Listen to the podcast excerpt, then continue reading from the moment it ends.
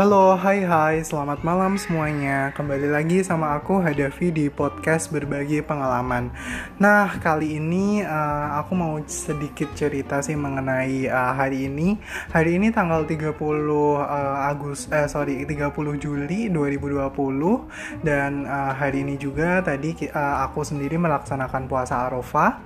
Terus besok uh, itu adalah hari uh, Idul Fit, eh sorry, Idul Adha. Hari uh, penyembelihan uh, hewan kurban. Dan saat ini aku masih di Jakarta aku di kosan uh, mungkin teman-teman mendengar uh, suara takbir uh, di sana nan jauh di sana. Itu itu kayak uh, aku pribadi jadi kangen rasanya kangen banget uh, dengan uh, rumah kumpul sama keluarga nah Uh, aku sendiri udah dua kali melewati uh, malam uh, takbiran, malam Idul Adha ya, Idul Adha ya teman-teman. Itu uh, di Jakarta di kosan sendirian, nggak ada uh, mungkin keluarga. Itu aku nggak nggak uh, ada sih. So sejauh ini uh, selalu di malam takbiran itu sendirian di kosan. Nah, uh, gimana ya? Mungkin sedih sih rasanya. Ini uh, di podcast ini sorry ini mungkin bakal banyak curhat aku aja sih. Maksudnya aku berbagi uh, apa yang aku alami di malam takbiran kayak gitu. Nah uh, cerita-cerita kembali flashback satu tahun yang lalu itu juga sama aja. Aku puasa juga waktu itu terus setelah aku uh, buka puasa itu ya aktivitas biasa rebahan kalau anak kos kan terus uh, habis isya sholat isya terus habis isya itu aku sempat apa takbiran lah kayak gitu di kosan sendirian. Meskipun kayak hanya beberapa kali takbir kayak gitu. Cuma uh, di saat itu aku ngerasa apa ya ngerasa wah kangen banget nih sama rumah kangen banget nih sama keluarga kayak gitu. Cuma ya di sini di Jakarta aku uh, ada ada hal yang aku harus capai nih di Jakarta. Uh, satu tahun lalu sama sama kayak satu tahun ini uh, di tahun ini sorry uh, di tahun ini juga aku melewati malam takbiran sendiri. Tadi uh, sempat sholat isya terus habis itu juga takbir beberapa kali dan aku tadi sempat nangis juga maksudnya kayak netes sedih terharu. Uh, sedih lebih tepatnya lebih ke arah kangen sih kangen keluarga di rumah uh, kangen adik kangen suasana malam takbiran di uh, kampung atau di rumah seperti apa uh, seperti uh, dua dua atau tiga tahun yang lalu kayak gitu. Nah uh, di sini di antara teman-teman yang mungkin juga sama case-nya sama aku sedang merantau di Jakarta menikmati kesendirian malam uh, takbiran ini, takbiran Idul Adha ini Eh, nggak uh, usah sedih sih harusnya ya. Maksudnya uh, di sini banyak sekali hiburan juga. Istilahnya saat ini kan uh, gadget sosial media itu salah satu hiburan juga. Dan uh, dengan adanya gadget juga kita sebetulnya juga bisa call sama keluarga sama uh, orang tua yang ada di rumah video call itu bisa-bisa aja sih. Um, dua tahun yang lalu ya aku mungkin ini mau cerita cerita aja sih cerita dua tahun yang lalu di malah uh, di takbiran. Dua dan tahun-tahun sebelumnya sih sebetulnya waktu aku masih di Jogja masih di rumah sama keluargaku Uh, kalau biasanya kalau malam takbiran itu kan uh, ada beberapa kali uh, Idul Adha uh, malam Idul Adha itu yang takbir keliling kayak gitu. Cuma uh, mostly enggak sih maksudnya biasanya takbir di masjidnya masing-masing. Nah uh, kalau di tempatku dulu ada uh, musola gitu sih dan uh, kita takbir uh, di situ. Jadi satu RT ngumpul buat takbiran. Terus kayak ada uh, teh teh hangat terus gorengan biasanya makanan-makanan ringan kayak gitulah. Uh, kayak orang Jawa biasanya kalau mereka kumpul lah kayak gitu terus uh, takbiran sampai beberapa beberapa apa kali takbir sampai mungkin jam 10 9 10 kayak gitu. Terus oh iya ini uh, kalau di tempatku tuh kayak di satu RT itu kan sekupnya uh, kecil ya. Maksudnya kayak cuma uh, 18 kakak kalau nggak salah. Nah itu kayak ibu-ibunya itu ngumpul di satu rumah buat masak kayak gitu di malam takbiran itu. Uh, mereka uh, setelah mungkin kayak jam 9-10 mereka masak. Masak buat apa? Buat penyembelihan di hari uh, hari H atau di hari Idul Adha-nya. Jadi kalau di tempatku itu satu RT kan ada satu musola tuh Nah, satu RT itu uh, nyembelih uh, satu uh, hewan kurban kayak gitu. Jadi nyembelih sapi biasanya, sapi satu kayak gitu. Nah, uh, kan yang nyembeli bareng-bareng nih satu RT itu semuanya kumpul di waktu hari H itu. Uh, kumpul uh, uh, kita apa uh, kita istilahnya minta tolong orang yang bisa nyembeli terus habis itu untuk dagingnya sem uh, semua sapinya itu uh, dikelola sama kita sendiri atau sa warga satu RT itu gitu. Jadi kita gotong royong buat uh, bagi-bagiin uh, daging itu kayak gitu nimbang bagi-bagi bagiin ke warga-warga kayak gitu. Kita ngelakuin kayak gitu. Nah uh, sebelum biasanya sebelum set, uh, oke okay, di hari H kan kita sholat idul adha kayak biasanya lah. Uh, biasanya sih di lapangan karena mungkin covid ini kayaknya uh, di musola aja sih uh, sholat idnya. Jadi kayak nggak kalau biasanya sholat id kan satu desa kayak gitulah. Tapi ini kayak cuma satu kampung eh, satu sorry satu rt kayak gitu. Nah uh, di situ setelah sholat biasanya langsung ke tempat penyembelihan. Jadi kayak semacam ada lokasi lah udah ada lokasi yang dari tahun ke tahun digunain untuk uh, tempat penyembelihan di situ. Nah terus uh, setelah itu sebelum uh, sorry sebelum penyembelihan itu kita biasanya makan dulu. Biasanya uh, makan uh, sama ketupat uh, atau lontong terus sama sayur uh, itu sayur yang uh, kuah santan santan lombok hijau. Kayak gitulah uh, ada beberapa menu lah yang dimasak oleh ibu-ibu yang di malamnya. Sama biasanya pagi-pagi itu kayak habis subuh itu juga masih ngelanjutin masaknya.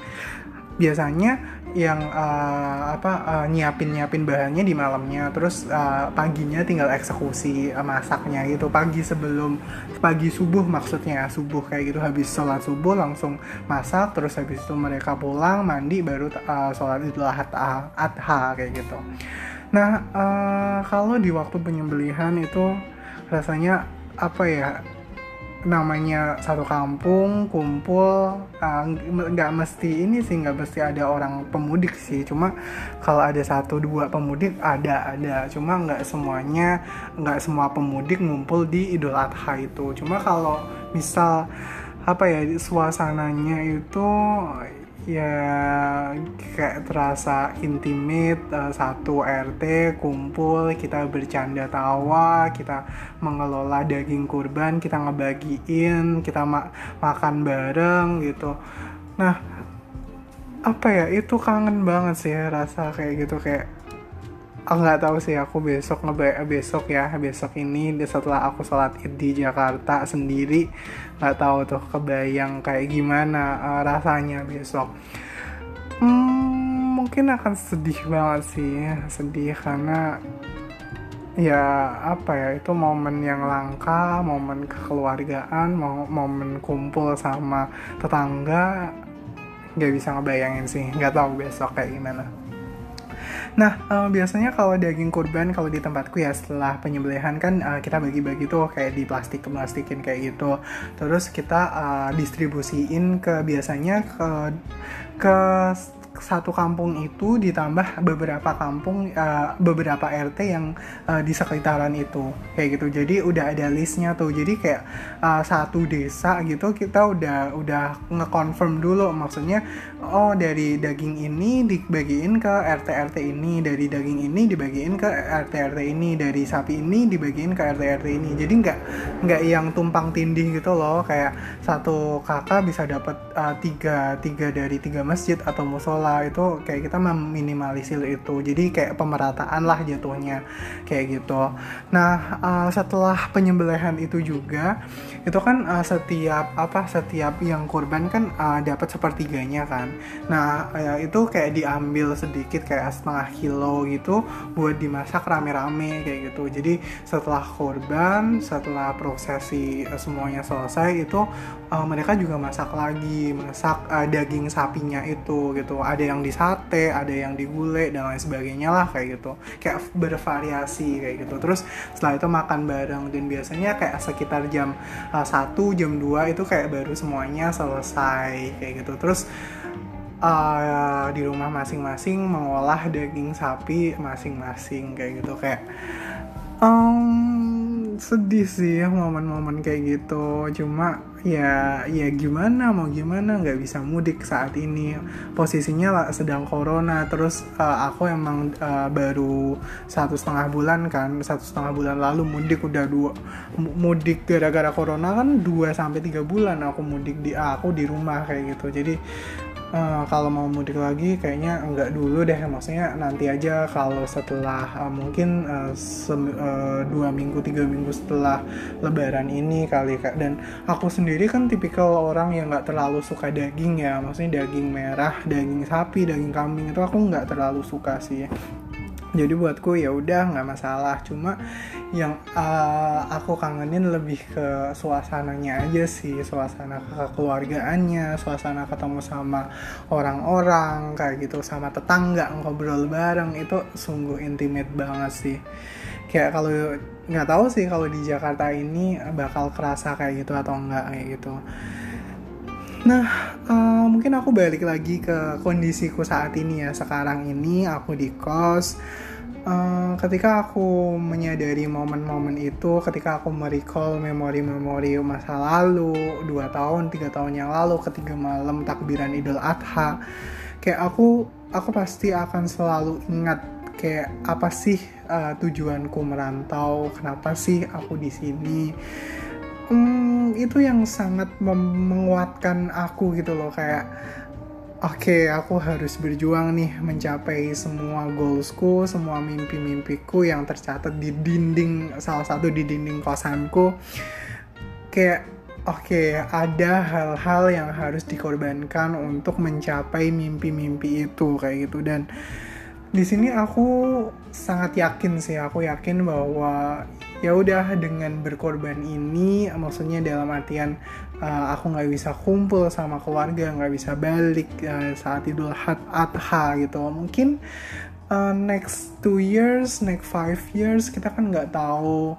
Kayak mungkin aku berharap sih bahwa ada matahari yang lebih bersinar lah kayak gitu. Kayak kita I got it uh, what I want kayak gitu. Kayak kita uh, mimpi-mimpi kita satu persatu mulai uh, terwujud terkabul kayak gitu. Dan aku yakin kok maksudnya yaitu aku yakin ketika kita uh, ada hal yang harus dikorbankan ketika kita harus menggapai mimpi-mimpi kita. Kayak gitu nggak hanya waktu sama keluarga mungkin waktu tidur juga uh, terus waktu bersama temen bisa jadi. Dan uh, apa pun itu sih so bagi kamu uh, yang mungkin sama sama kayak aku sedang di uh, tanah rantau sendirian nggak usah khawatir nggak usah sedih uh, selalu ingat mimpi-mimpi kita, apa yang ingin kita capai di tanah rantau ini atau di Jakarta ini. Kalau kamu butuh uh, teman untuk ngobrol bareng, untuk cerita bareng, boleh reach aku kok di uh, mungkin di uh, Instagram aja kali ya di @hadavi_farisa. Uh, Oke okay deh mungkin uh, cukup sih uh, itu aja beberapa hal yang mungkin aku mau share di malam ini setelah ini nggak tahu sih mau ngapain mungkin mau buka YouTube aja sih Oke deh, terima kasih banyak uh, teman-teman. Semoga bermanfaat. Selamat malam. Sampai jumpa ke podcast berikutnya. See you.